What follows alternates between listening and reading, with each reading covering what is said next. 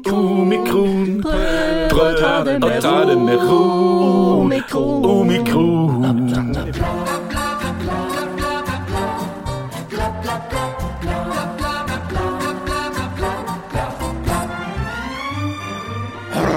Var vi her igjen, ja. Show og spetakkel, masse regler som ingen forstår, masse folk som er sure, og vi må være innestengt med folk vi egentlig ikke liker.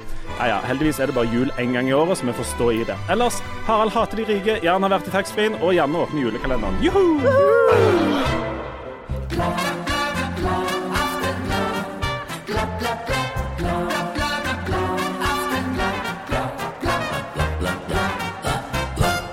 Hjertelig velkommen til Aftenbladet. Ehm, Jan, skal vi begynne med Du sitter nå hjemme på hjemmekontoret.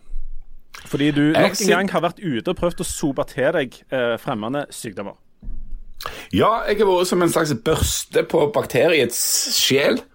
Og der har jeg børsta godt. Jeg har vært ute og reist, eh, til og med i utlandet. Eh, jeg har vært i København.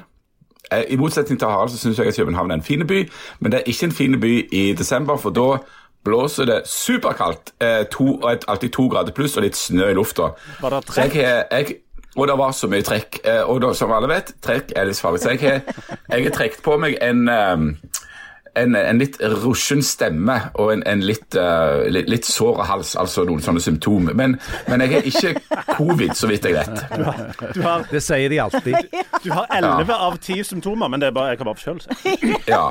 Men vi kan, men vi kan jo snakke om, vi kan snakke om altså, men, men vi kan komme tilbake til hva som skjer når du har vært ute og reist, og hvordan du kommer tilbake. For det, eh, Når en snakker om irritasjon, så kan vi snakke litt om den timen jeg tilbrakte i noen køer på Sola der i går kveld. Men kan du fortelle noe fra utlandet? Hva skjer der? Fortell noe. Ja, det, er kjempe, det er kjempekaldt, voldsomt mye trekk. Eh, stort, stort sett motvind. Eh, i det hele tatt. Nei, men, men, eh, men eh, Danmark og København er jo interessant òg når en snakker om norske tiltak. For der er det sånn at eh, når, hvis du går på restaurant der, så sier de 'har du koronapass'? Og så viser du fram koronapasset ditt på telefonen, og så går du inn, og så går det fint. Så de har, Eh, de har sortert ut en del av befolkningen, litt sånn som enkelte makter gjorde under enkelte verdenskriger. Ja, og det, og det lever befolkningen ganske godt med. Og danskene er jo et, er jo et kranglete folk, men de er for så vidt lydige. Så, de, så, så det, er, det er ikke noe dramatikk der med det hele tatt. Det sikkert, det sitter sikkert noen som er uvaksinerte hjemme og må lage smøre skjeve seg sjøl. Eh, men det dette er altså et regime som blir praktisert ganske mange plasser rundt om i Europa etter hvert. Eh, og går helt fint. Men nå har han jo i Norge gått helt vekk fra koronapass. og det, det, det, det er jo sikkert noe med den omikronen da, som kan smitte vaksinerte like godt som alle andre. Men, men eh, men, nå, men så, skal de, så skal de til gjengjeld stenge ned i, i Danmark da, etter at vi har reist. Eh, Så i løpet av denne uka så stenger de ned der òg, og ungene får mye tidligere juleferie enn de ellers hadde tenkt. De ble sendt hjem eh, 15. desember faktisk og får juleferie fra da av. Men, Så det griper de òg inn i barn og unge. men hva betyr det at de stenger ned? Nei, de stenger ikke ned, de stenger ned skolene. eh, De stenger ned skolene 15. desember, og så eh, innskjerper de på sånn skjenking og sånn, så det er ikke lov å skjenke etter klokka tolv der heller. Og så, Nå pugga ikke jeg alle de danske reglene, men det er i hvert fall et par av de jeg husker i farten. Men ellers så, var, så, så, så ligna jo livet i København ganske mye på på, egentlig på Jæren, da, siden det er denne kalde vinden, men, og mye mer folk. Eh, men, eh, men de går med maske når de, når de tar kollektivtrafikk.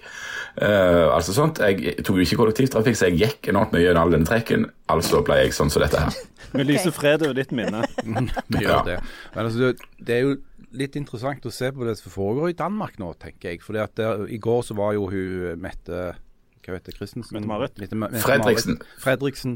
Eh, statsministeren eh, og, og kunngjorde nye eh, inngripende ting og sånn og sånn. Og så tenker du ja, danskene de er jo sånn de er jo sånn Ja, eh, men- ja, men ja, De tar ikke ting så nøye. Men de tar jo ting kjempenøye. De går jo i takt så det holder der i der. Eh, de er jo på en måte eh, vet ikke, jeg, De sier jo at svenskene de er Nordens tyskere, ikke sant? Hva er danskene? da? Er det liksom Nordens hva? Italienere, kanskje?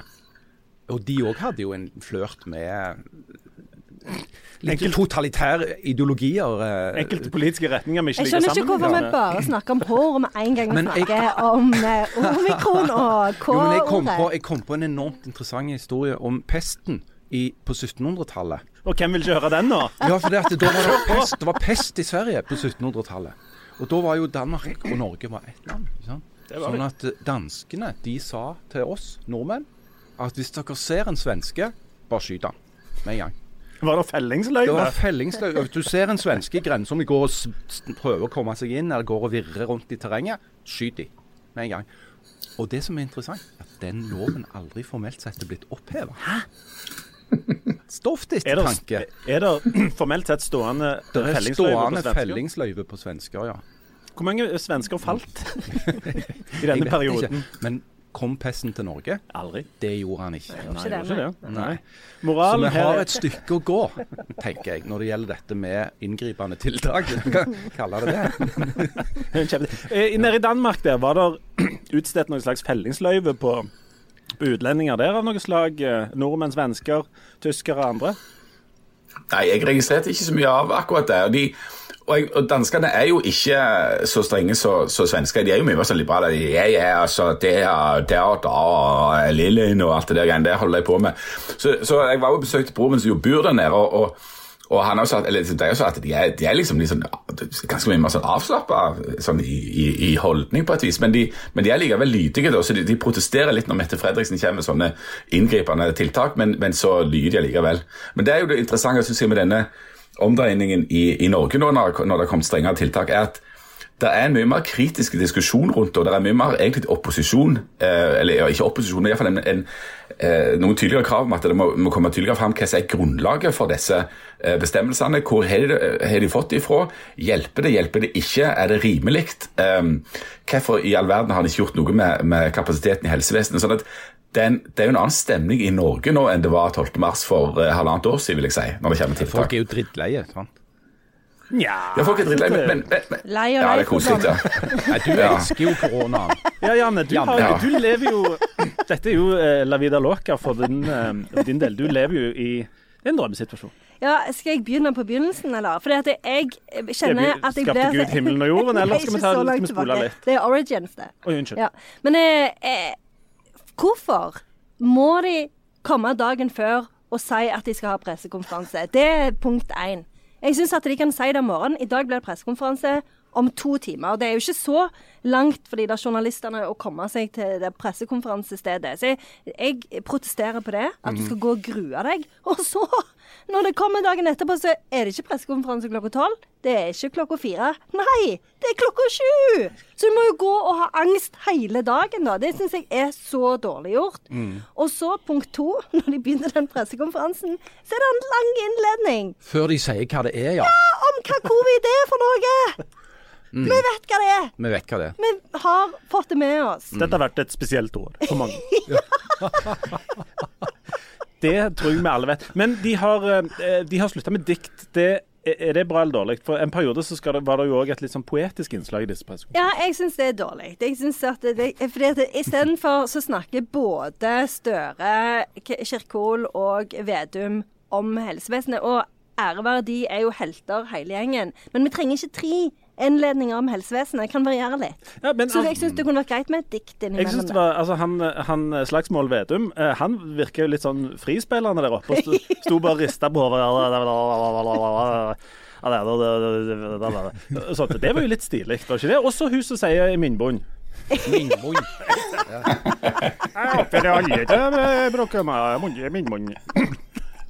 Og det er jo sånne ting som når du legger merke til, så, så slutter du å ta, å ta inn over deg sånne koronatiltak. For du sitter bare og venter. Si det, si det, si det. si det. Mingbond. Ja, Du kan ha sånn minnbånd-bingo. ja. Men du, der er, Men er, kan, kan jeg si en Ja, ting ja, til? Og det, er fordi at det, det som jeg òg merker, det er at jeg føler liksom at de nye som har tatt over At det er liksom når det begynte noen nye på fotballen Kommunistene, tenker du på nå? Ja. At jeg stoler liksom ikke helt på at de har kontroll på situasjonen. For de er nye. Ja, så har de liksom autoritet til å bestemme dette, egentlig? Jo, men de, altså, de gjør det på litt på sin måte, sant. Altså, mens med det forrige regimet, Erna og Bernt, sant? så var det eh, Da var det folkestøtte. Sant? Folkestøtte. Folkestøtte. Og nå er det blitt mingbond. Det er jo bare eh, det, er det samme, men annerledes. Det, det, dette er det folk hører på for å få sånne type analyser. Det, Men det, Å, nå lo jeg skikkelig for første gang på mange år. Nei, men Men det- saken er at er altså, jeg tror stemningen her i dette, denne, dette veldig hypermoderne podkaststudioet er på en måte en slags et, et, vi, vi er jo på en måte en slags representanter for, for folk. jo, men på den måten at vi er, så, vi er så jæklig drittlei av dette greiene at vi vet ikke lenger hva vi skal si. sant? nei, Nå er er det liksom bare på'n igjen med munnbind og Ja. sånn. Ja. Og anbefalinger og, og, Ja. og bør og kan. De anbef altså For å oppsummere så er det jo sånn at uh, denne regjeringen anbefaler jo folk å ikke bli særlig syke. Ja, de gjør det. Også, Først og fremst. Ja, og prøve å ta en del grep i forhold til det, som det så fint heter. Men du, der er, uh, som Jan sa, der er, dette det begynner å bli liksom mer og mer sånn politikk og, og litt sånn gnisninger og sånn. som dette. Ja. Er det litt, er òg litt søtt for å forsvare uh, den nye kommunistiske regjeringen i Norge? Mm. Er det litt søtt å se på Høyre og Venstre og Kristelig Folkeparti og disse her som nå er rasende fordi at eh, denne regjeringen ikke har gjort noe for å øke kapasiteten i helsevesenet? Det er klart at det er litt artig. Ja. ikke sant? Eh, som om liksom Støre og, og Vedum skulle kunne trekke opp eh, Jo, men nå har de hatt 60-70 dager på seg. Det må jo gå an å utdanne noen sånne intensivsykepleiere, og noen anestesilegere og noe. Ja, det kan Ærlig du si. Så. Eh, Jan sitter og vifter med Kom igjen, Jan. Ras fra deg. Ja, jeg må jo bare minne om at jeg har et hovedfagsamling i politikk. Derfor jeg ikke blir nok nevnt her. Nei, men, men, men i den politiske situasjonen så er det jo veldig eh, søtt å legge merke til både den tidligere posisjonen som nå eh, som, som mens de hadde eh, posisjon ikke økte intensivkapasiteten i halvannet år, og, og ble snurtende på opposisjonen som klagde på at de ikke gjorde nok, og at de ikke gjorde det fort nok, og at de ikke la fram nok dokumentasjon. Eh, og så er det søtt å se at nå gjør de nøyaktig det samme. De klager på at det ikke blir gjort nok, og at det ikke er nok informasjon og nok ditt og datt, men de er ikke noe sånn veldig sånn konkret egentlig til å komme utover og klage. Så de er akkurat nøyaktig det samme som de anklagte de forrige i opposisjon for å gjøre. Samtidig er det jo vel så søtt å se på de som var opposisjon, som klagde på at høyreregjeringa Høyre-regjeringa ikke gjorde mye nok og fort nok og ikke la fram god nok dokumentasjon. Nå er det visst de som får prøve å sitte der og styre, og så viser det seg at det var visst ikke så lett allikevel. For, bare for å ta et, et eksempel, et helt tilfeldig valgt eksempel. Tidligere så var Abid Raja kulturminister. Han fikk så mye kjeft at håret sto jo rett opp, eh, selv om han hadde masse gelé i. Og av, ikke minst av Anette Trettebergstuen, som mente at eh, det måtte jo være støtteordninger på plass i forbindelse med at det ble satt inn tiltak. Altså Ikke at en kom med tiltak, og så kom en lenge etterpå saken, det kanskje kom til å bli støtteordningene. Nå er det hun som sitter og får lov å sitte og administrere kulturlivet. Og her kommer det en masse eh, tiltak som gjør det meget uklart om, om kulturlivet egentlig er stengt eller åpent. Men det som iallfall er uklart, er hva slags eh, ulike kompensasjonsmidler finnes der? Eh, det samme gjelder for uteliv, det samme gjelder for restauranter, det gjelder for eh, hotell og ditt og datt. Så det viser seg at det er ikke så lett å styre og sitte og ha ansvaret allikevel. Altså, hvor vanskelig kan det være, Harald, å styre et land? Nei, det kan For meg virker si. det veldig enkelt. For meg virker det òg veldig lett. Uh, og jeg klør i fingrene etter å få muligheten til å bidra. etter revolusjonen Ja. til å få disse tingene litt mer i orden. Eh, jeg gjør det. Men altså, vi kan jo se nå hvem, hvem er det av partiene på Stortinget som ikke har sittet i regjering i det siste? Det er Rødt, er det ikke det? Og så Frp. Det er en stund siden stund de siden de gikk ut. Så vi kan, kan, hvis vi hadde fått en Rødt-Frp-regjering nå, Ja. som hadde tatt Og MDG. Og MDG, ja, MDG. Hvis de hadde slått seg i hop Så ditt konkrete forslag til å løse dette er en regjering bestående av Ja, Rødt, Frp og MDG, da. At de hadde gått Ta alle på pengene mine, få dette, For de kunne liksom dette. sett på det med litt sånn nye øyne. sant? Og så fått et litt sånn friskt eh, Tenkt litt utenfor boksen, kanskje. Og fått Også pasientfokus. pasientfokus. Ja, de har selvfølgelig hun, hun Irene Ojala fra eh, Alta. Som Ja. helseminister, da, vil jeg tro. Hun, hun kunne sittet på vippen. Det kunne du. Eller bare med en litt vinglete stol eller et eller annet. Ja, nei, men altså, klart det Jan sier, det er, jo, det er jo noe som egentlig alle vet, og det tror jeg de vet veldig godt inni seg òg. Enten de er i posisjon eller opposisjon. Det er at det er fryktelig lett å være i opposisjon og bare kunne anklage de som har makta for å gjøre for lite. Og så er det fryktelig vanskelig å være i posisjon og balansere alle disse her hensynene mot hverandre. Og Samtidig så er det vel sånn at uh, alle disse folka på en måte gjør jobben sin. Altså De som sitter og styrer skal forsvare det som blir gjort, og de som sitter og er i opposisjon, de skal sitte og kjefte på og passe på de som styrer, og kjefte på de. Og så, Sånn har vi vel holdt på på en måte siden uh, det opplyste eneveldet forsvant. Har vi ikke det, Jan? Jo, det, og det er jo sånn systemet er lagt opp, og sånn sett så fungerer jo systemet. Det som helt åpenbart ikke har fungert og ikke fungerer, og som det er bra at det kommer en, en eh, diskusjon om nå, det er jo da altså kapasiteten i helsevesenet. For der er jo alle partier for økt kapasitet i helsevesenet, og at det skal være god kapasitet der. Og så er det helt merkelig at vi, vi da er i en situasjon at i et land der det bor 5,4 millioner innbyggere, så kneler helsevesenet hvis det havner 300 stykk inn eh, med koronasmitte i, i sykehusvesenet. Eh, Men så, og så syns jeg at det, det er bra det som er kommet fram nå i det siste, altså en, en diskusjon både om, om denne kapasiteten og hvorfor den ikke har økt, men også at en stiller noen spørsmål tilbake igjen. Eh, For det, er jo også en interessekamp. Jeg forstår at helsevesenet og de som jobber der er slitne, men nå blir jo veldig mye av dette styrt av virkelighetsbeskrivelsen i helsevesenet. Eh, Og så viser det seg jo at det har jo vært inn, innlagt flere eh, folk på eh, intensivt, og, og, og det har vært mer sprengt på sykehusene f.eks. i 2017, i 2018 og i 2019, altså før korona nå. Og Da knelte ikke eh, helsevesenet, og da var det ikke snakk om å stenge ned samfunnet. Så det er òg en, en politisk og en, en slags interessekamp fra helsesektoren. og Det var en sånn jusprofessor som spurte om det nå er sånn at det er sykehuset som styrer Norge, eller om det er Norge som styrer eh, sykehusene. Eh, fordi at eh, Hvis det, der, det der helsefaglige narrativet får dominere, så er det klart at ut fra et helsefaglig narrativ, så bør en jo på en måte stenge ned og, og, og ha enormt strenge tiltak absolutt hele tida. Men det finnes ganske mange andre hensyn eh, en må ta med seg. Og nå leste jeg det siste jeg leste i går i Aftenposten, det var det sånn at Ahus, Norges største sykehus, de kommer til å gå 175 millioner i pluss i år. Ja. Hva er det for noe? Nei, men det, men det er jo fader meg ganske komplisert òg, dette her. Når, når, eh, når sykehusene Altså du har en sånn type en sånn perfekte storm. For det at du har Der er jo velkjent der er fastlegemangel i dette landet. Der er mangel på intensivsykepleiere i dette landet. Det er mangel på visse leger, altså visse typer leger. Og det, dette er ting som tar lang tid å ordne opp i. Eh, sånn at nå, nå også sier jo han, hva heter han, Gullvåg, ikke det, eh, Helsedirektoratet, at eh, de kan ikke, uansett så kan de ikke bemanne sykehusene i Norge for, permanent for en krisetilstand, for det koster altfor mye penger. Og Det tror jeg nok det er lett å være enig i.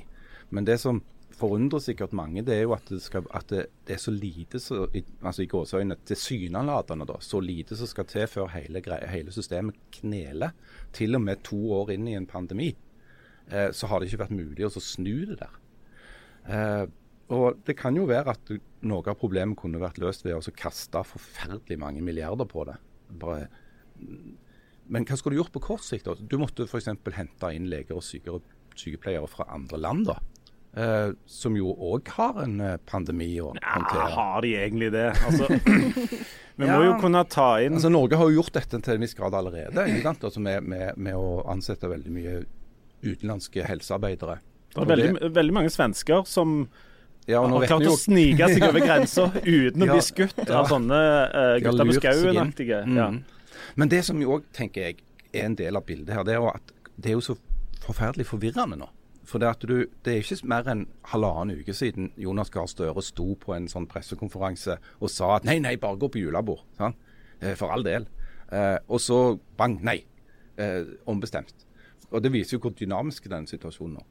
Men så har du òg det der med at du er ikke helt sikker på altså Det vet jo ikke de heller. Er, er omikron en god nyhet?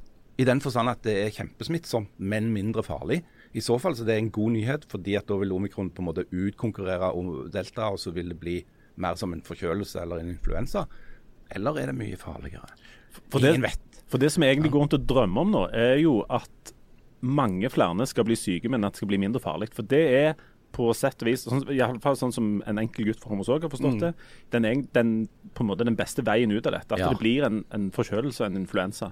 Altså en, en variant av dette viruset som mange kan få uten at det blir særlig farlig. Og det er jo det vi drømmer om, at den døra skal åpnes.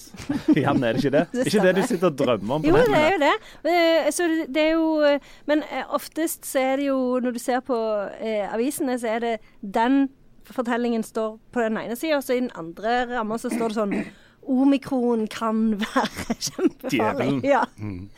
Så da blir jeg veldig stressa. Så det, Jeg er ser, jo jeg ser jo i hvert fall i, i min eh, lille feed i sosiale medier, så er det flere og flere også sånne som er så på en måte er litt sinte på oss. Altså er sinte på mediene. For de mener at mediene er med oss og lager eh, altså en del av problemet og ikke en del av løsningen når det blir så fryktelig mye mas om hvor farlig dette er, og hvor krise det er, osv. Ja, det er jeg enig i. Og, og, men det som jeg eh, vil berømme mediene for, det er fremdeles alle sakene om strømpriser. Det synes jeg, Takk. det elsker jeg. Om dere så den nyheten i går, om den der hytta som de har funnet på månen. Hæ? Har de funnet ei hytte på månen? Har dere ikke sett det? det? Det var det eneste jeg tenkte på i helga. Men altså, fortell mer! Ja, fordi Kina har sendt opp en bil til den dark side of the moon. Og der har de funnet noe som Kina kaller for månehytta. De vet ikke hva det er. Tuller du? For det Nei, du kan se det er bilder på NRK. Så nå kjører de, men det tar tre måneder å kjøre bort til den eh, Ja, konstruksjonen. du må ta Moanes eller Tonstad, da. Ja. Helland. Men, men altså, det er noen som har satt opp et hus på månen som ingen har visst om. Ja, De, de, noen mener det er bare steiner som ligger i en haug, men kineserne kaller det månehytte. Da kan du si at kanskje kineserne prøver å De gjør få seg interessante. Og, Ja, og så kanskje de prøver å få oppmerksomheten vekk fra Jeg å melke litt sånn ugurene og litt sånne ting. Men, men uh, uansett, det til Det er good shit, dette her. Dette er ei månehytte. For nå skal vi jo uansett bare sitte hjemme, da kan vi jo følge med på det. Ja, jeg håper det blir sånn sakte-TV. Ja. At du følger den bilen centimeter for Månen centimeter. minutt for minutt. Ganske kjipt for kineserne hvis det blir sånn hytteforbud nå. Endelig fått hytte på månen. Og så kommer hun der minnebunnen. Nei, jeg får lite reise på hytta, nei. Sitter der- på hytta. Ja. Sitter det 1,2 milliarder kinesere som absolutt vil på den hytta. Det er sånn. Når først én ting går galt, så går alt galt. Men hvis det er, hvis det er ei hytte på baksida av månen, da er jo plutselig virker ikke scientologene så enormt dumme likevel. Det, det gjør de ikke. Og det er mye som faller på plass da. Hvis de har eh, Altså Hvis det er ei hytte der oppe som vi kan besøke, og det vil vi jo hvis det er ei hytte Ja. der oppe, Ja. og du reiser til månen, er det formelt sett en taxfree-ordning når du reiser en, Altså hva er kvoten når du reiser ut i, i space? Er det noen som vet det? Du Jan, du har nettopp vært gjennom dette med kvoten. Hvordan, hvordan behandler du det? Dette er jo like viktig som å gå i, i kirka på julaften, egentlig, og, og, og, ta sin del av denne kvoten. Var det, er det fremdeles kvote, eller korona liksom utradert kvoten? Og hva var- kjøpte du? Det var, det var voldsomt med kvote. Eh, og og det, var, det er litt rart, eh, det der eh, kvotesystemet. eller eller taxfree, sånn, som jo er, er middelklassens måte å, å gjøre alle slags ting på. For min del så, så er denne nedstengninga av Norge ført til at jeg brukte opp godlukta mi for ca. tre måneder siden. Hva er det som skjer hjemme hos det, dere? det har vi merket, for å si det sånn. Det er et familieprogram. Ja. Og, og, og det rare er at jeg har jo aldri noensinne vært på et norsk parfymeri og kjøpt Eau de Cologne eller uh, Durasage Det et eller annet sånt som det der. finnes jo ikke det i norske sånn- parfymerier. Jo da. Nei, nei sant? Det, er liksom, det, har, aldri slått meg at det er mulig. Sånn at eh, jeg har nå gått i, i månedsvis og venta på at det endelig skulle være mulig for meg å komme meg ut eh, og liksom få kjøpt noe som det skulle, skulle lukte godt av. da. Um, så, så heller ingen lukt og dårlig lukt enn å gå og kjøpe en lukt i Norge. Så plutselig i går så befant jeg meg i, i eh, en avdeling, og, og sånn lukt det er jo ikke så mye lukt på deg om gangen, så jeg bruker mange år på å bruke opp en sånn flakong eller flaske eller hva det er for noe. Så dette er jo ikke noe, dette, det er jo ikke et landskap jeg, dette er ikke et landskap jeg behersker. Så der sto jeg som en litt sånn forvirra løgnas midt i lukteavdelingen på Kastrup flyplass med altfor varm jakke som vanlig, eh, og ante jo ikke hva jeg skulle eh, finne på. Eh, Så jeg hadde på meg slags dyne, sånn, ei dyne da utpå. Så jeg var, jeg var kokvarm og knallrød og, og, og, og høy og svett og forvirra. Og hadde uh, min minnbånd for deg. Ja, men- Og, hadde, og minnbånd. Så da, uh, da sendte jeg jo spørsmålet inn på vår, som dere merkte, da, uh, feed, hva i all verden er det jeg skal kjøpe. Eh, og fikk eh, forskjellige typer råd der. Eh, jeg var lukta på de, de rådene dere kom med, både Tom Ford sin og, og, og Gucci sin, og de lukta eh, godt, de. Men så, i tillegg så tok jeg da kontakt med en kar som jobbet der, en, en eh, dansker med minnbånd. Eh, og han, han kom og snakket med meg kjempelenge på engelsk da, om eh, noe ting som var lavendel, og, og, og, og denne var mer sitrus, og det var, dette var så og så maskulint. Dette er jo totalt fremmed landskap for meg. Men, for det var maskulinitet du først og fremst var ute etter, Jan. Jeg var ikke ute etter altså, Jeg var bare ute etter noe lukt. ville ha Eh, dyrisk maskulinitet. Ja, altså, og, så, og så tenkte jeg det, det er viktig at jeg skal lukte på dette før jeg eventuelt får sånne omikroner hvis det luktesansen for godt. Ja. Men så, eh, så tok han meg med bort til en som han sa var voldsomt populær nå eh, blant eh, folk, eller menn, eller hva det var for noe. Og der var det en grevlig tøff plakat på sida av han, han eh, Adam Driver. Han er jo voldsomt i skuddet. Han sto der i bar overkropp og så tenkte jeg hvis jeg spruter meg inn med dette, så blir jeg sånn. Så da kjøpte jeg det. Fordi at det, i den reklamen så springer jo Adam Driver Han er jo kanskje Han er jo bestevenn med en hest. Men hvis jeg ikke husker helt feil, så springer han jo fortere enn den hesten. Ja, når han er jo har på seg grunn av den Ja, når han har på seg Og så svømmer han jo i havet, og Stemmer det, det er mye. Så, mye som skjer. Men eh, Jan, kan jeg spørre, har du på deg den lukten nå? Nei, for jeg, ikke, jeg, jeg har jo blitt sendt i, i Nei, for sånn det, Du ligner ikke helt på Adam Driver ennå, men, men kanskje Nei, ja, ja, det er for, altså. Jeg har ikke tatt det på meg ennå. Det det, er derfor jeg sparer. jo det saken. Ja, men har du, har du ikke åpnet den i det hele tatt? Har du ikke prøvd Nei, han den? ligger, han ligger sånn forsegla. Jeg kom hjem så seint i går. Eh, jeg var jo ikke Men, hjemme før altså, sånn i en Én ting er denne her godlukta, men du kjøpte vel, du kjøpte vel brennevin òg, når du var, først var på taxfree? Ja, det gjorde jeg, og det, for det er jo den andre tingen jeg ikke har kjøpt noen ting av i halvannet år. Jeg har vært på polet og vært ganske god i å kjøpe vin, som jeg jo ikke har drukket, så den ligger jo i et skap her. Men, men, eh, men sprit er jo sånne ting som du ikke kjøper på polet. Det, du- det går det bare an å kjøpe på, kjøpe på sånn taxfree. Så jeg kjøpte en grevlig uh, fine gin i litersformat. Men hadde ikke Så- du så- som et slags forsett for 2021 at du skulle drikke mer? Jo, og, og, og jeg trodde det var et realistisk mål. Jeg hadde tenkt at, det, at eh, en må legge seg, lage seg eh, små mål og, og, og, og sånn delmål og lage Mange, realistiske. mange det- jeg kjenner, har jo klart å gjennomføre dette. ja, ja, Nei, jeg, Lignende ønsker. jeg, jeg gikk på en smell og, og, og kjøpte inn noe voldsomt med vin etter at jeg hadde vært både på vinkurs eh, og etter at eh, en kollega av oss, Kine Hult, hadde minnet om at det var en sånn voldsomt flott vårslepp som vel var i sånn april-mai. Og da kjøpte jeg jo inn altfor mange flasker. Det tror jeg vi har drukket to av.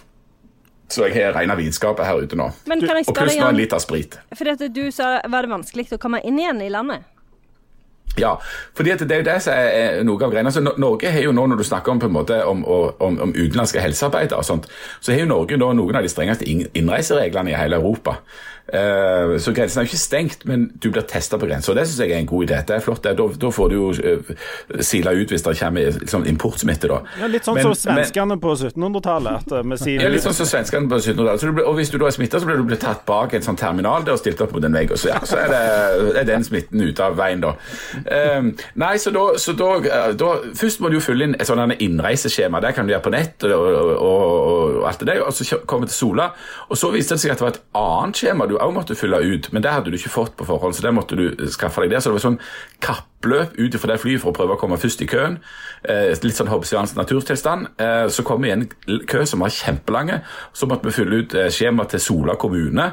Eh, og så når vi da kom fram etter å ha stått i en lang kø, så satt det ei en stakkars eh, unge dame der og, og fikk kjeft av en masse sånne rasende dansker, da spesielt. 'Hvorfor er det egentlig Sam skjema? Hvorfor det, Nei, det vil jeg ikke Altså, rasende hvorfor det ikke var samme skjema. Camelot og masse Jeg forstår er en I think I just ordered a Og- thousand liters ja, ja, og hun stakkars dama i den der og, Men, men det satt bare en eneste person. Så vi havna bak flyet fra Krakow. Vi var flyet fra København, og så kom det et fly fra Amsterdam. Og, og, og alt dette skulle ett menneske Å, nei. som skulle sitte og føre inn noen manuelle skjema. Og dette skulle de føre inn i et annet system i Helse Norge og et eller annet sånt. Og disse polakkene som sto framfor, ble spurt om det er det norske bank. Altså Det var et himla styr der. Og så sto vi i en ny kø eh, ganske lenge, for det viste seg at det var ett menneske som da drev og stappte ting opp i nesen på oss. Det tok vinter og år, og så ble vi sett i enda ting. Så det tok lengre tid å komme inn i Norge enn det tok å fly fra København Men hvor til Norge. hvor lenge Det høres ut som det tok ti timer. Hvor lenge var du der? Det føltes sånn, eh, men det var vel ca. en time. Gode time. Og det er Ja. jo sånn som vi i middelklassen, vi har ikke tid til, Nei, vi har ikke tid til det. Vi har ikke tid til det. Vi har Nei, og- og- og- Ja, for jeg, jeg har gjerne ikke sett den siste episoden av Succession engang. Men, men, men det, det bygger seg jo opp en voldsom irritasjon når du står der sant, igjen i en altfor tjukk jakke som er tilpasset dette elendige klimaet, det er all denne vinden nede i København der, og så er noe sånn ryggsekk, sånn at det gjør at du blir ekstra varm på ryggen, det renner godt der. Så har du ikke kjøpt godlukt, du har ikke åpna det, så du vet at nå lukter jeg seg ringt av. Og så står du der med hele halve Krakow, og de har ikke norsk bankforbindelse, og forstår ikke hva de spør om, og masse sånt som dette her, og så har du det gående. Og da, da, når du da kommer fram, så er det så kokt at da lar du gå Jan, utover alle slags folk. men ja, det var jo Ja. ingen som tvang deg til å reise til utlandet. Jo. Var det? Jo, jeg reiste, jeg reiste for deg, Harald. Jeg reiste for medlemmene i klubben. Og det viste seg at det var ikke møtelokaler i Norge, så de måtte muligens et par-tre dager til utlandet. Du, vi, vi, vi må ta en liten kjapp pause, så skal vi snakke mer om dette. Og eh, de rike, og eh, Janne sin, eh, sitt siste eh, gigaprosjekt når vi kommer tilbake.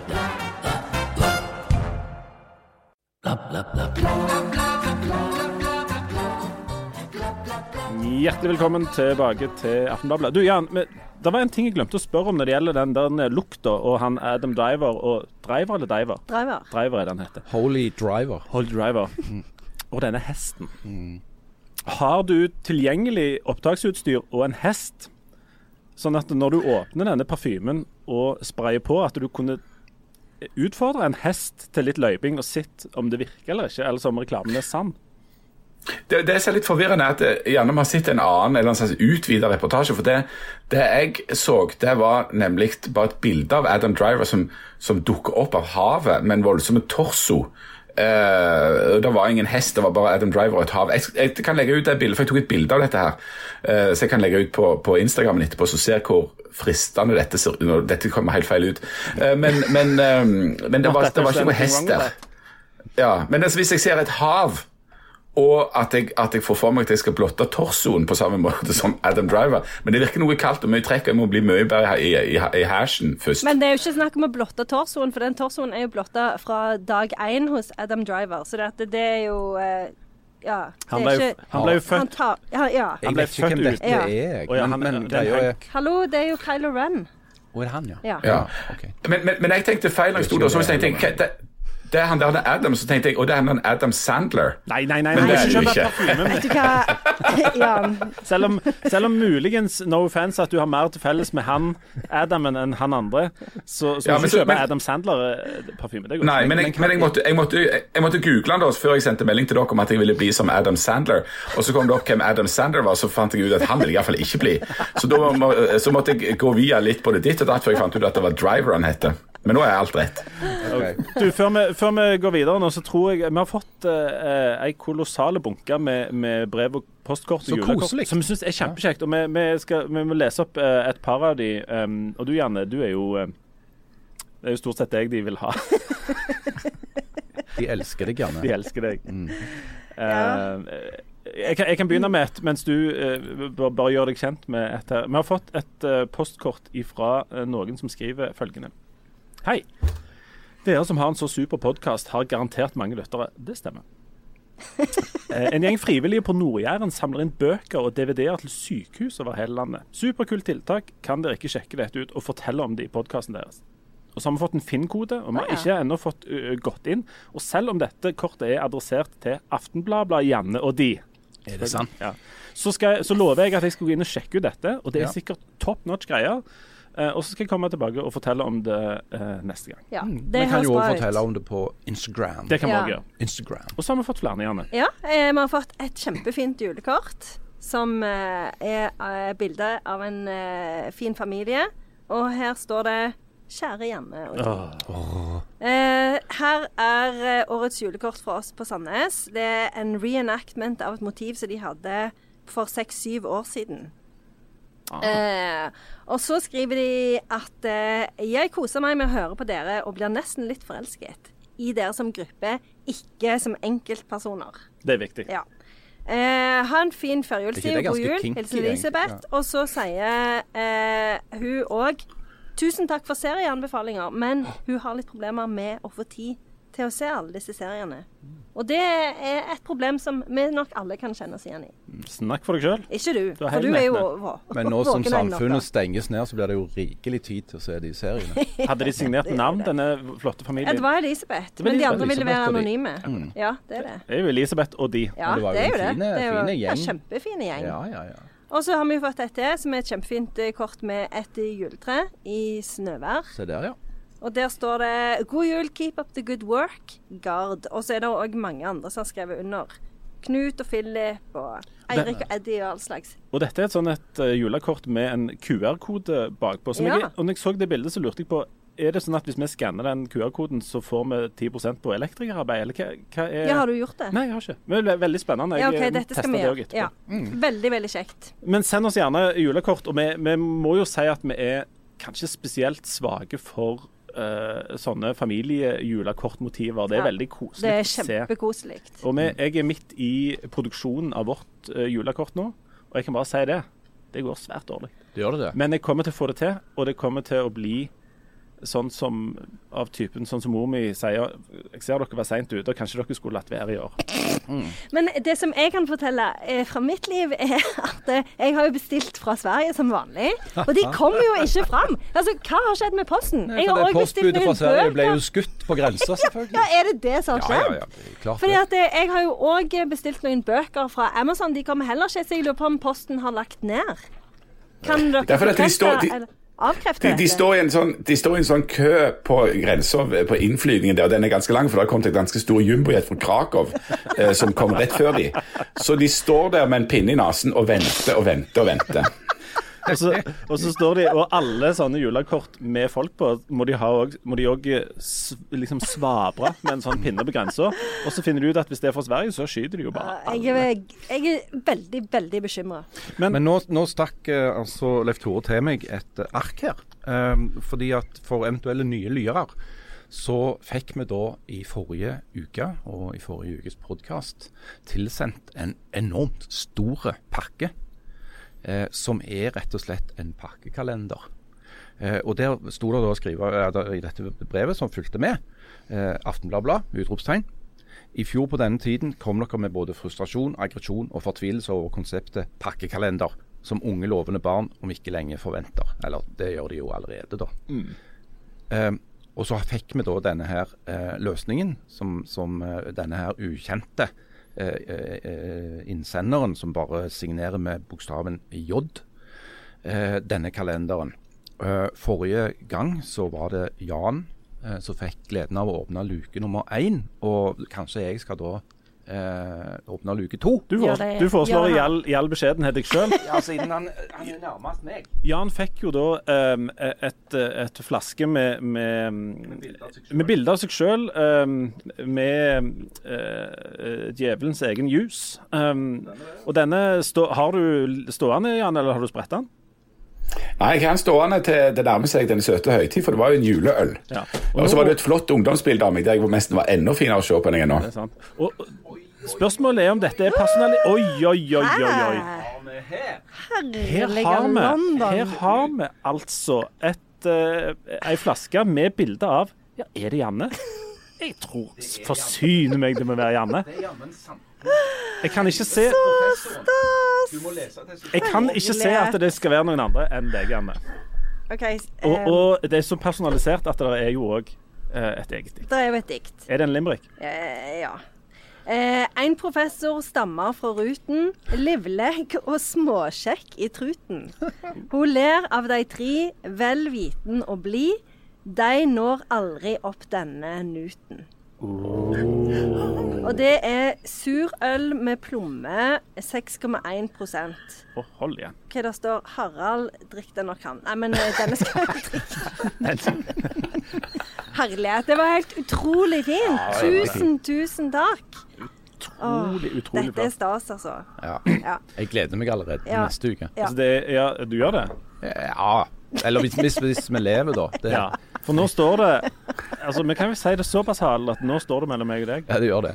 Tenk hvis det er enda en til Jan, og så en siste til Janne. Det er sikkert sånn det er. Fordi Hvis jeg hadde lagd den kalenderen, så hadde jeg lagd den sånn at det var f.eks. én til f.eks. Jan, Mm. og så en til Janne.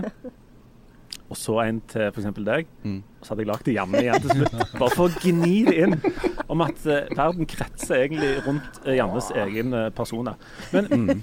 og, og så i, og, men, men det er jo ikke løgn å gjør det, for du Janne, du røpte jo at du er rett og slett blitt satt til å gjøre et utrolig viktig arbeid. Det er ikke helseminister eller finansminister du er satt til, men det er noe annet som du nå har gjort, som folk, som vi som samfunn egentlig um, altså, får nyte og er veldig avhengig av. Fortell hva det er du har holdt på med. Ja, det har jo vært ei vanskelig tid. Det har det. Og et løye år. Nei, jeg har skrevet en artikkel om Ted Hughes fra Store norske leksikon. Fordi den var jo altfor kort. Ja, var jo det. Mange, mange har reagert. Hver gang jeg har vært inne på den artikkelen, så har jeg tenkt hvorfor er den så kort? da? Skjedde dette som en, result som en konsekvens av det fakkeltoget som var pga. kort Ted Hughes-artikkel? Og så var det jo bare ett bilde. Det er altfor lite. Det Skulle vært mange flere bilder av Ted Hughes. Det, Det ble så rolig nå. Jeg sitter her i kjelleren i katakombene, så det, det, nå skjer det liksom ikke noe mer i denne podkasten. vi prøver å samle oss Uh, Ja, nei, Men- så jeg har eh, gått gjennom eh, de viktigste utgivelsene med eh, mest vekt på tema, men òg form og struktur, selvfølgelig. Ja, ja. Eh, og, og eh, fortalte litt om hva ellers han eh, skrev eh, og, og ikke skrev. Og holdt på med.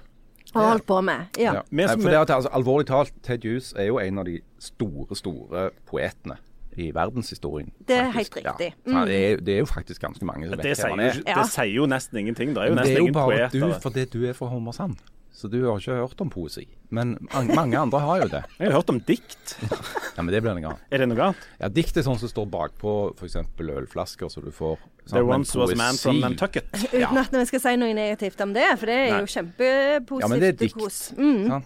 Men uh, det som jeg egentlig tenkte å spørre om, var eh, vi som jobber i mediene, som vi nå skal snart innom, for vi skal snakke litt om eh, skattelister og sånn.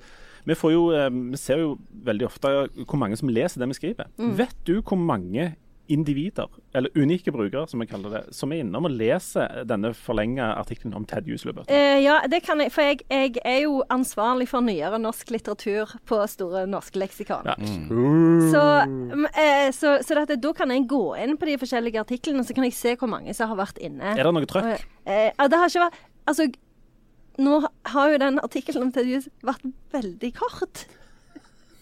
Så da har det ikke vært så mye trøkk på den. Nei, nei, nei. Så jeg gleder meg til å følge med i 2022 og se på hvor mange som går inn og, og leser litt. Får du betalt per klikk? Eh, nei, Jeg, jeg lurte bare på om, om det er ganske dårlig betalt. Altså, Det er ikke sånn, sånn type klikkhoreri i leksikonmiljøet? Nei, det er det ikke. Så dette, jeg har ikke gått for noe sånn eh, pirrende overskrift, nei. Også, men det jeg har skrevet, så gjerne folk Jeg vil jo få et Mm. lite støkk til å begynne med, for overskriften er jo Ted Hughes. Og så Spennende. begynner- Spennende. Og så begynner jeg med å skrive Edward James Ted i Gåsøyne. Gåsøyne Hughes. For han heter jo ikke Ted Hughes. Nei, han, ikke Ted Han heter jo Edward James Hughes, men folk bare kalte han for Ted. Nei. Jo. Mm. Sånn er det jo med engelskmenn gøy. også. Ja, så det er jo litt gøy med en gang, tenker jeg. Ja, Da blir folk interessert. Men hvis du ville ha folk, flere folk til å liksom gå inn på, så, så kunne du jo tatt noen tips fra oss profesjonelle mediefolk. da, ikke sant? Mm. Altså, Du skulle ikke stått bare sånn Ted Hughes, du skulle Du vil ikke tro Ja. hva Ted Hughes har funnet på nå. Nei, men det, akkurat, det, ja, akkurat det er jo litt ja. sårt. Fordi det var jo mye, mye kjipt på, som skjedde med Ted Hughes. Så, så det, det, kan vi ikke, det um, kan vi ikke gjøre. Vi må bare skrive navnet hans. Siste spørsmål om Ted Hughes. Ja. Tror du at denne lengre artikkelen fra leksikon om Teddy Hughes kommer til å gå viralt? Eh, Ja. Jeg kan ikke forstå hvorfor han ikke skulle gjøre det. Nei. og jeg sendte jo dere et et bilde av han når han har fiska en fisk, og det tror jeg dere satte pris på. Det var kjempefint. kjempefint. Utrolig flott bilde. Hvis ikke det går viralt, så får vi eh, som virkelig jobber i, i klikkinga her, eh, ta ansvar om eh, denne uka eh, i går, faktisk. Vi spiller inn på torsdag. Ja. På onsdag så kom eh, skattelistene, som er ei sånn greie. Det er, det er jo sjelden folk raser så mye mot oss som når skattelistene kommer, Harald. Eh, kan du veldig kort si litt om hvorfor vi, bruker tid og krefter på å publisere disse skattelistene og skrive om de tingene? Mm. At de raser jo mens de er inne og kikker på hva naboen Ja, ja. Eller, ja, nei, altså, det er jo fordi at uh, det går an å si at uh, å publisere skattelister om hva treneren til Viking eh, har hatt inntekt, eller influensere i regionen, eh, er en form for kikking. da. At du eh, snoker i folks eh, private økonomi og blåser det opp over spalter og nettsider. Og det er jo en kritikk som jeg til dels er enig i. Så jeg tenker jo det at når når mediene skal omtale skattelistene, så må du ha en eller annen form for sånn journalistiske begrunnelse. Uh, og Da kan du f.eks. si at skattelistene, selv om de er uperfekte, fordi at de gir ikke et, egentlig et riktig bilde verken av inntekt eller, eller formue, uh, så er de det beste vi har for å kunne se på sånne generelle trender. Um, for å kunne se på lønnsutviklingen, uh, se på skattebetalingen, sånne ting. så, så det, er et, det er et verktøy for å kunne se på samfunnet, eller en del av samfunnet, da, eh, og gjøre journalistikk på det. Eh, jeg tenker at det er bra at det, har blitt restriksjoner på hvor mange som kan gå inn og se på skattelisten, og hvordan du kan bruke dem. Og jeg syns det er bra at uh, de fleste mediene i alle fall nå, hvis du sammenligner situasjonen nå med f.eks. For, for 10 eller 15 eller 20 år siden, så var det mye mer sånn du bare la ut listene, og så vær så god her. For, det, for Nettopp det gjorde jo uh, mediene, og vi òg. Mm. Og du skal ikke så mange år tilbake før um, altså, vi, vi, hadde gjerne 10-12-15-20 sider med bare lange lister mm. over de på en måte de 800 som tjente mest i Figgjo, ja. omtrent. Altså, det var uh, enorme sånn um, ja. lister, og det handla bare om, om mengder, å prøve å finne ut hva ja, og Da stilte vi oss veldig laglig til for hogg. Og vi altså, fortjente altså, en del hogg, da? Ja, jeg mener òg at vi fortjente hogg for det. For det at det har en svak journalistiske, publisistiske begrunnelse å trykke en liste over de 800 som tjente mest i, i uh, Gjesdal. Uh, men det som jeg fortsatt mener har en begrunnelse, det er å se på f.eks. dette med utviklingen av lederlønn, uh, utviklingen i oppbyggingen av store formuer. For det går inn i en mer generelle og nesten globale debatt om f.eks. gapet mellom de som har mest og folk flest, og de som har minst. Eh, og Det er da skattelistene et, et vindu inn i, da, eh, selv om de er uperfekte. Og Du har skrevet en eh, kommentar som folk kan lese på aftenbladet.no, der du skriver at de som eh, framstår som veldig rike på skattelistene, egentlig er mye, mye rikere. Ja, for det er jo at skattelistene er jo et, en liste over individer.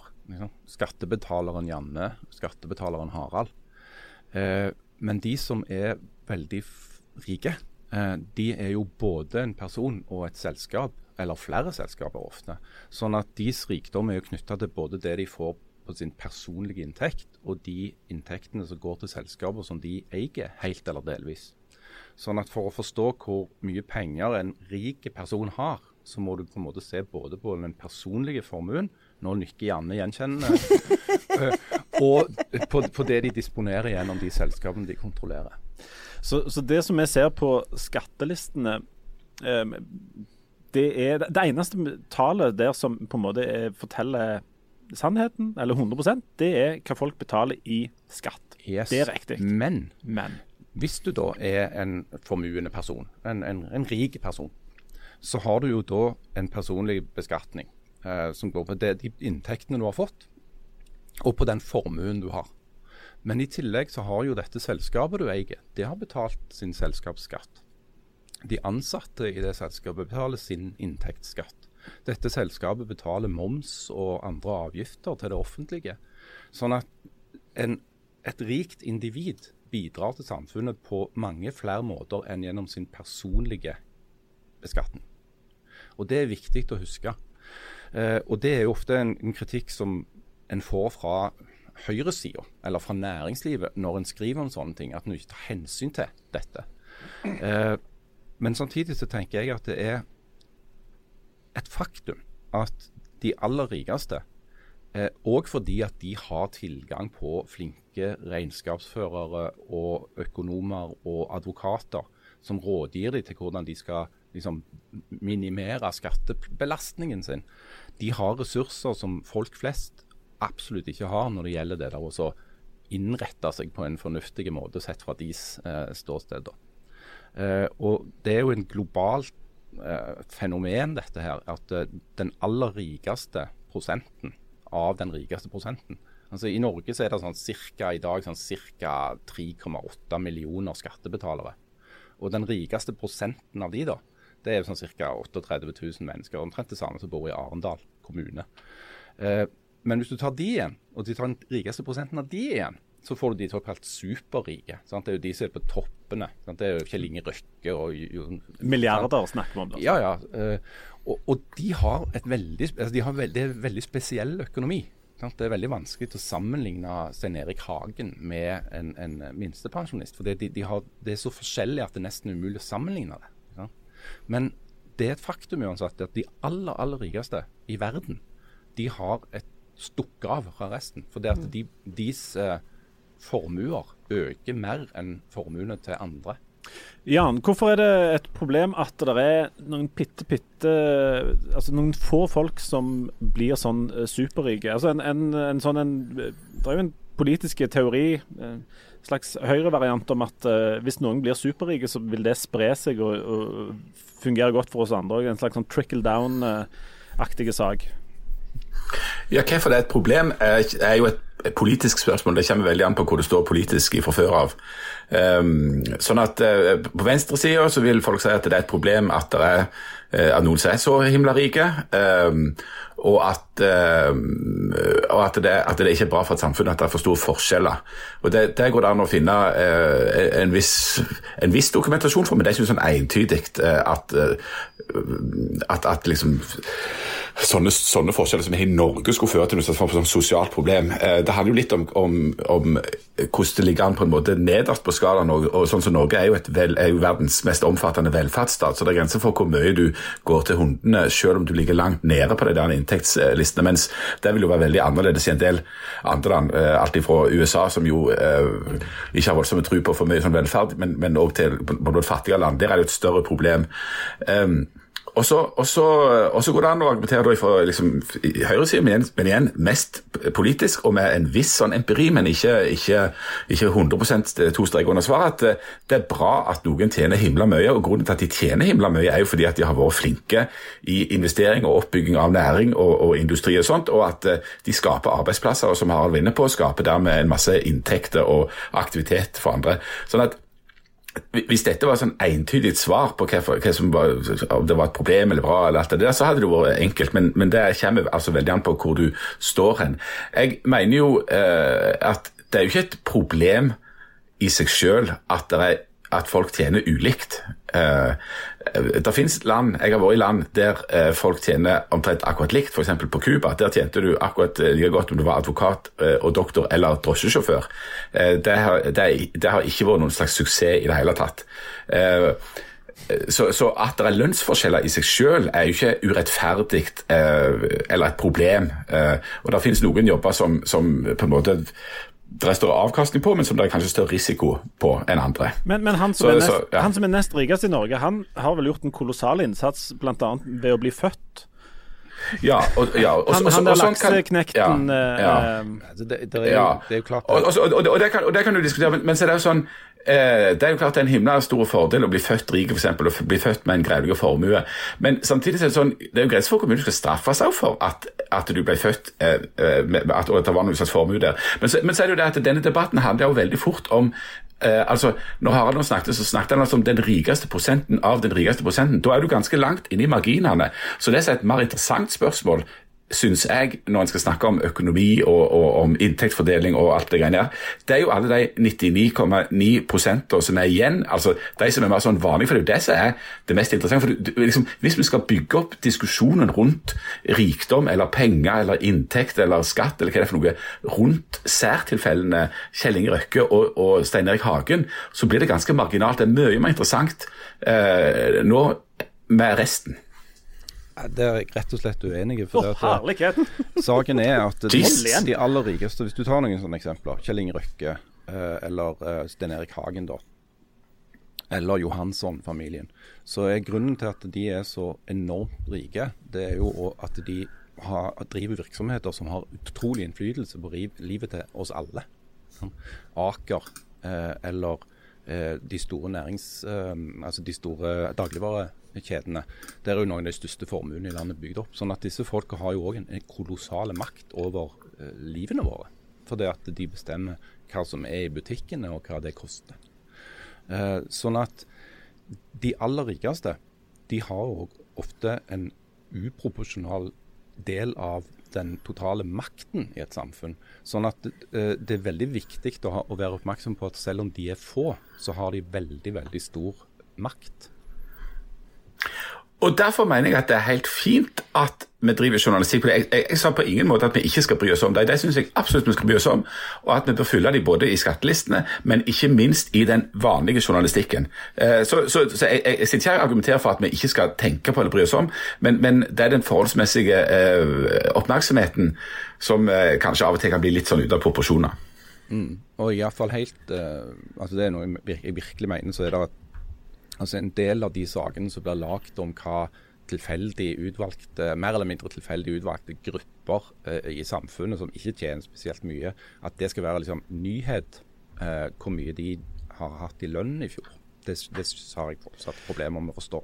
Men det, der, der finnes òg interessante ting å lage av disse uh, skattelistene. F.eks. å se på um, de som blir eh, kjemperike, som sitter på mye makt sånn samla sett, er det eh, pga. arbeid? Er det pga. arv?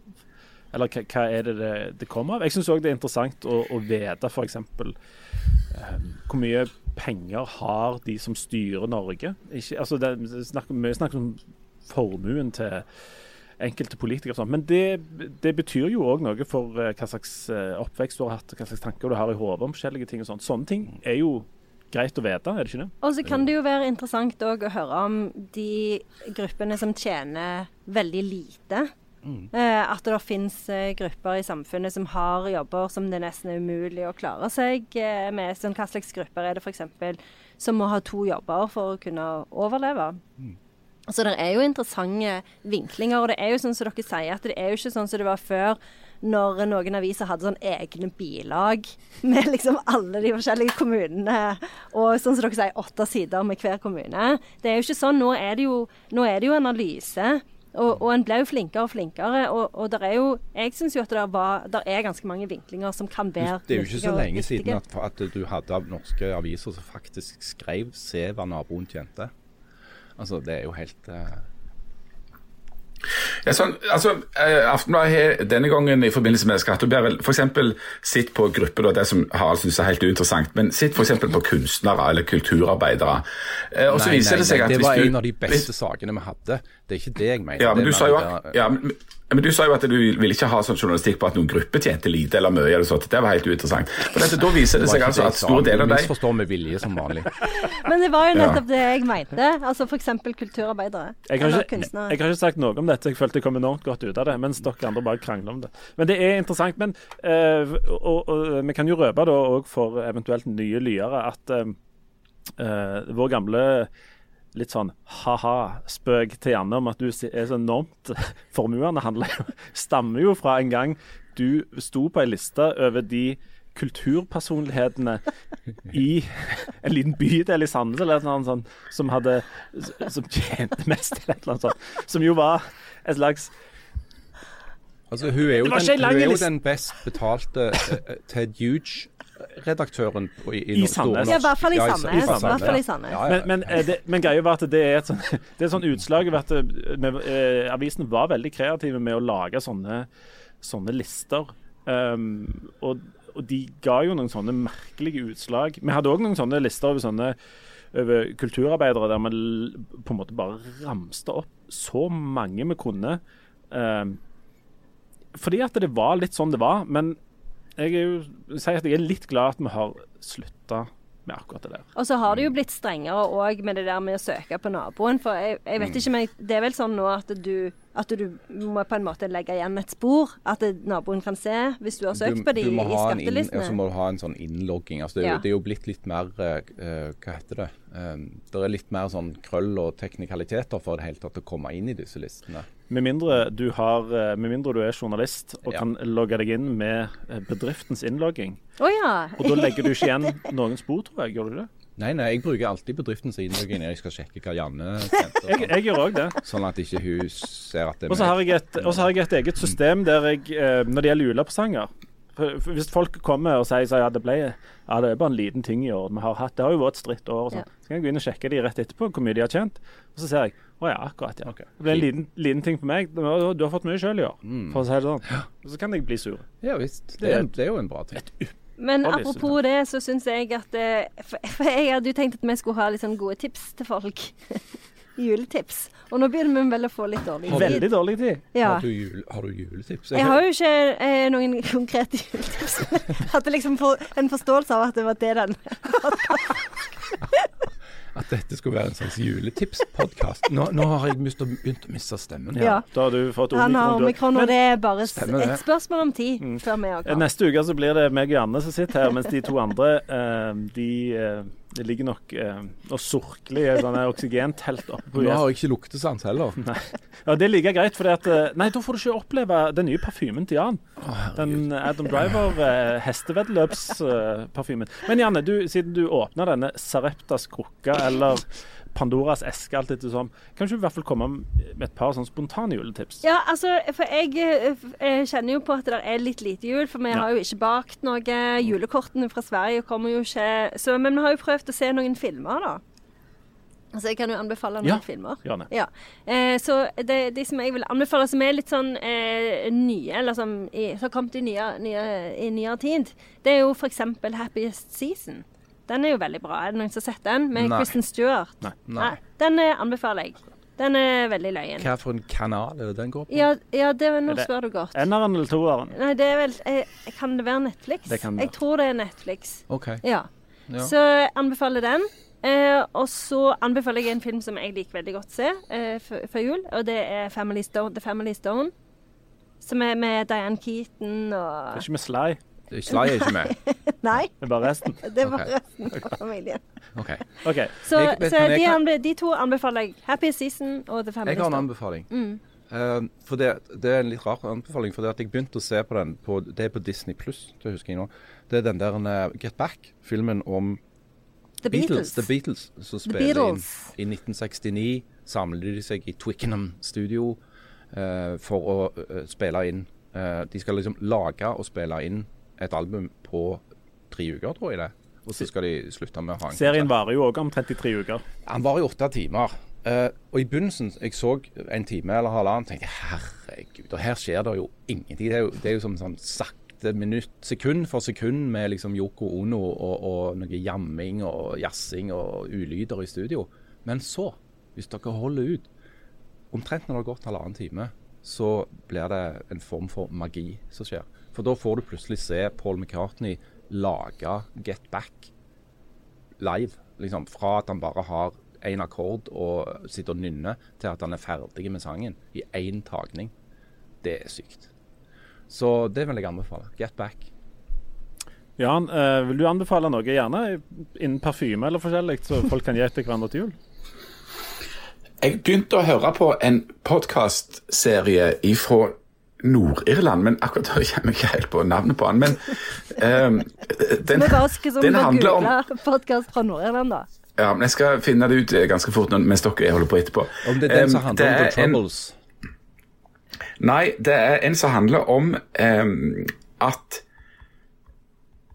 BB, altså det er en BBC-serie, så det er i seg selv interessant at BBC har lagd en serie om BBC som ehm, eh, som har latt seg forføre av, eller vært helt med på premissene til en aktivistorganisasjon for skeive, altså LGBT Jeg husker ikke alle, jeg husker alle Ja, jeg husker alle, helt alle, alle de der uh, Ja, men, men ehm, Til LGBT. Altså, de, de, de Ja. LGBTQ Uh, men de har altså eh, gått med på, på en måte premissene der i en aktivistorganisasjon på en sånn en måte, og, og jeg prøvde å havne på sånn topp 100-lista over å være den mest på en måte sånn eh, skeivvennlige bedriften i, i England.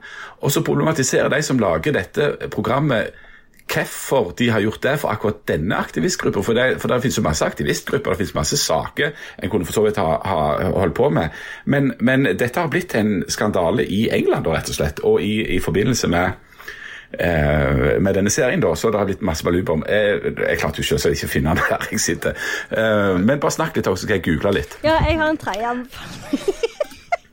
Eh, For jeg kom på Paddington og er jo veldig gøy. Einen sikkert mange som har sett den før, men kanskje det er lenge siden. Den har en julescene på slutten, så den kvalifiserer også til julefilm. Den der bamsen i den Ja. duffelcoaten. Er ikke det barne-TV? Eh, Nei, nei, men du, eh, nå er disse anbefalingene er jo for hele familien. Det er jo det. Jeg skal jo ikke sitte og se julefilmer er alene. altså, det, det Paddington. Det er jo så, det var jo sånn som jeg så når jeg var liten. Jo, jo, men det er jo ikke den dokkefilmen som du så når du var liten. Det er jo en ny versjon med masse flotte uh, britiske skuespillere, pluss Nicole Kidman. Så det er Jeg. I kveld skal jeg eh, altså Jeg tror den er 100% på råtne tomater, by the way. I kveld skal jeg gå og se eh, Mongoland sånn i all offentlighet på, på Tau. Og det har vi jo gjort i jeg, jeg, Vi begynte faktisk å se Mongoland før jul, før på en måte det ble ei greie for alle gjorde det. Jeg har sett den hvert år. Eh, og det kan jeg Det må jeg bare eh, anbefale ekstremt varmt til de, til de som ikke holder på med det. Der, eh, I den filmen der så er det òg altså en rapper. For de som kjenner Mongoland, så kjenner de jo til Gary, rapperen, som prøver å, å forene eh, For det er mye dissing i, i hiphop-miljøet i Stavanger. Og han sier på et tidspunkt der den tingen som all forskning og alle hjerner, alle aviskommentatorer og alt eh, har prøvd å si for å forklare Stavanger i alle herrens år, sier han i én setning. Og så oppsummerer denne byen helt fantastisk når han sier det er ikke så mye å rappe om i Stavanger. De lever jo av å formidle gatas elendighet og, og stridigheter. Og, sånt. og han sier at det er ikke så mye å rappe om i Stavanger. Og det forteller alt du trenger vite om denne byen. Og der var de tidlige. De var tidlige. Nå, Jan, har du googla deg fram til navnet på denne Nå har jeg funnet fram til hva den uh, podkastserien heter. Den heter Stonewall. Det er en som heter Nolan Investigates, altså som har et sånn eh, nyhetsprogram uh, borte i Nord-Irland der. Men altså Nolan Invest Investigates Stonewall. Hør på den. Det er, det er litt for mye sånn internt tull der de liksom er løgte med seg sjøl. Men de stiller noen veldig gode spørsmål eh, og, og, og eh, får et veldig interessant perspektiv på noe som liksom er velmeint, men som blir litt feil. Ja, Sånne podkaster med sånn internt tull der jeg aldri har sansen for. Jeg Syns ikke dere òg det blir litt sånn feil? Folk som prøver han løgne. Ja, folk som det prøver å snakke om seg sjøl. Ja. Ja, så, så, ha, uinteressant. så har de funnet, fant de en vits for et par år siden, så holder det gående. Holder på, holder på. og så liksom- fniser de og ler de. Og så folk som snakker i munnen på hverandre og sånne ting. Snakker i munnen på hverandre. kan- Ingen kan ta gjentar hensyn til de liksom seg sjøl. Det blir liksom bare sånn ja, ja, Så har de ja, funnet ha, en ha, vits, så har de liksom. Vi er så himla løgne. Ja, ja, liksom bare holder de på, holder de på. Samme vitsene om igjen, om igjen. Gammelt, Aldri. nytt piss på gamle flasker, gammelt piss på nye flasker. Altså eh, går står du med omikron. Omikron. Jeg føler stemmen blitt bedre. når Jeg har fått jazza meg opp.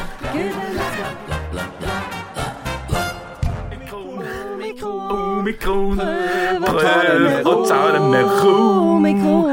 Omikron. Jeg vil bare komme med et siste tips. og det er at Hvis du før jul ser en svenske har tenkt å skyte han, så må du sjekke om Harald har eh, grunnlag for å si at det Ja, fremdeles jeg er hadde stående sjekket det. Jeg på sjekket svensker. Ja, jeg vil ikke anbefale folk å skyte svensker Før de har sjekket om det. før de har sjekket om den loven fortsatt, Men eh, fortsatt- gjelder, da. Fortsett å, å sende inn julekort, for dette her eh, familiejulekortet her, det blir jeg så glad av å se på. Ja, det, Så jeg, vi vil ha flere Vi vil det. ja vi vil det. Og så er vi tilbake eh, neste uke med eh, mer snakk om oss sjøl og uh, Eller vi er tre er iallfall tilbake, så får Ja. vi se Ja. hvordan det går med Jan. Antakeligvis bare meg og Janne, for det Harald og Jan ser ut til å ligge på det aller siste. Tusen takk for i dag. Eh, ha en fin uke. Send oss postkort, så snakkes vi og om tusen takk for surøl. Ha det! Ha det! Ha det.